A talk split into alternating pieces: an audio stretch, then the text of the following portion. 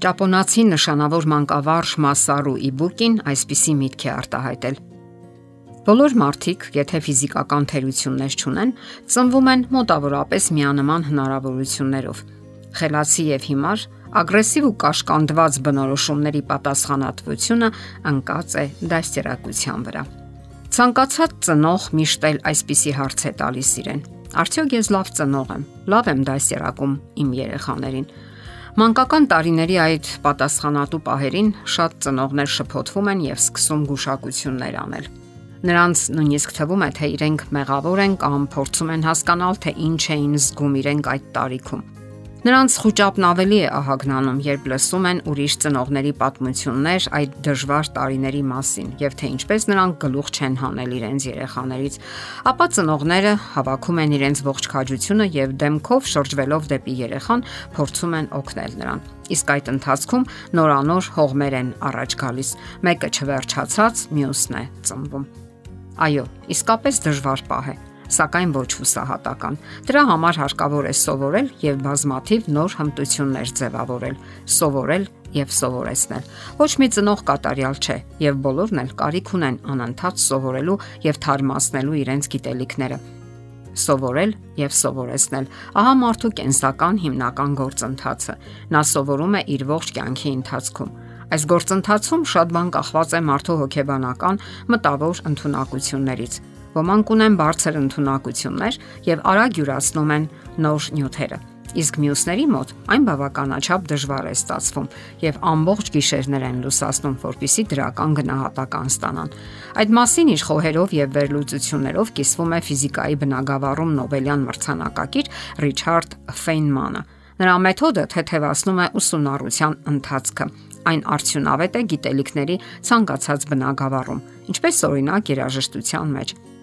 երբ սովորում են որևէ գործիք նվագել եւ նույնքան օգտակար է քվանտային ֆիզիկայի օրենքները յուրացնելու ընթացքում։ Ամենից առաջ ասենք, որ Ֆեյնմանը չդադարեց սովորելուց իր ողջ կյանքի ընթացքում։ Նրա հետ ակրկրությունների շրջանակը չափազանց լայն էր։ Նրա կենսագիրը գրում է. նա նախապատվություն չէր տալիս որևէ կոնկրետ հմտության, սովորում էր թմբուկ նվագել, մերսել, պատմություններ պատմել, ծանոթանալ կանանց հետ, եւ վստահ էր, որ կարելի է սովորել ամեն ինչ։ Գուցե օրինաչափ հարց առաջանա.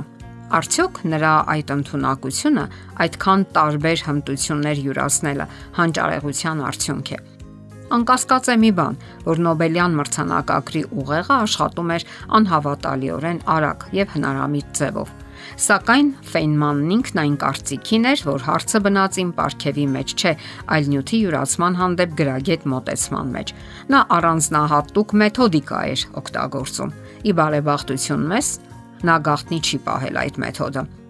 Այն կազմված է ընդամենը 3 քայլից։ Առաջինը՝ երեխային ասացեք, թե ինչ եք ուսումնասիրում եւ սովորում։ Նա կարողանում էր բացատրել ամենաբարդ երևույթները այնպիսի པարս խոսքերով, որ հասկանալի էր նույնիսկ երեխաներին եւ չպատրաստված ունկնդիրներին։ Նա այն կարծիքին էր, որ եթե ուսուցիչն օգտագործում է բարդ բառեր եւ արտահայտություններ, խճողված մտքեր, ուրեմն վատ է կողմնորոշվում առարկայի կամ նյութի մեջ եւ խորհուրդ է տալիս նոր նյութ յուրացնելու ժամանակ վերցնել մի թերթ, փորձել բացատրել առաջին դասը առավելագույն པարզ լեզվով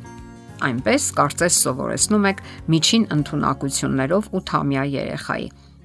Եթե դուք գրառում եք գաղափարը པարս երեխային մատչելի լեզվով, ապա շատ խորությամբ յուրացնում եք տեղեկատվությունը եւ ձեզ համար ակնհայտ է դառնում գաղափարների միջև գոյություն ունեցող կապերը։ Եթե որոշ նյութեր չեք կարողանում բացատրել པարզ ու մատչելի, նշանակում է չեք հասկացել նյութը կամ նրա մի մասը եւ հարկավոր է մեկ անգամ եւս վերադառնալ այդ նյութին։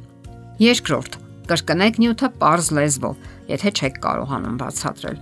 Նոր առարկայի ուսումնառության ժամանակ դուք սկզբում կդժվարանաք բացատրել այն པարզ լեզվով։ Ինչպես ցանկացած նոր հմտություն, պատմողի հմտությունը մարզումներ է պահանջում։ Ամեն անգամ, երբ դժվարություններ եք ունենում նյութը յուրացնելու առումով, այսինքն չեք կարողանում բացատրել այն, ինչ ուսումնասիրել եք, մեկ անգամ եւս ուրախadir կարդացեք դասագրքի նյութը։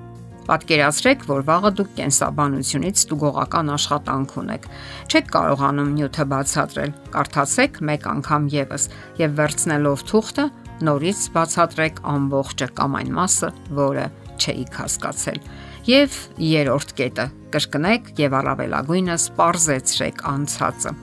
Այժմ արդեն դուք դասագրքի կարիք չունեք։ Այս փուլի համար դուք ունեք པարզ եւ հասկանալի մատչելի նշումներ, որոնք գրել եք ձեր իսկ բառերով։ Դրանք արտացոլում են այն նյութը, որը դուք խնամքով ուսումնասիրել եք։ Այնինչ ձեզ անհրաժեշտ է ստացած գիտելիքները կրկնելը եւ ամրապնդելն է։ Բարձրաձայն կրկնեք ինչ որ գրված է։ Եթե բացատրությունները դեռևս բավականաչափ པարզ չեն կամ անհասկանալի ու տարօրինակ են հնչում, արժե շարունակել նյութի հետ աշխատանքը, այսինքն վերադառնալ երկրորդ փուլին։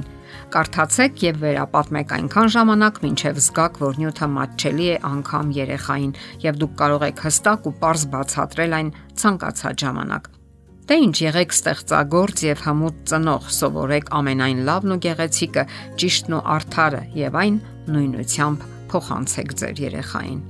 Եթերում է ընտանիք հաղորդաշարը։ Հարցերի եւ առաջարկությունների համար զանգահարել 033 87 87 87 հեռախոսահամարով։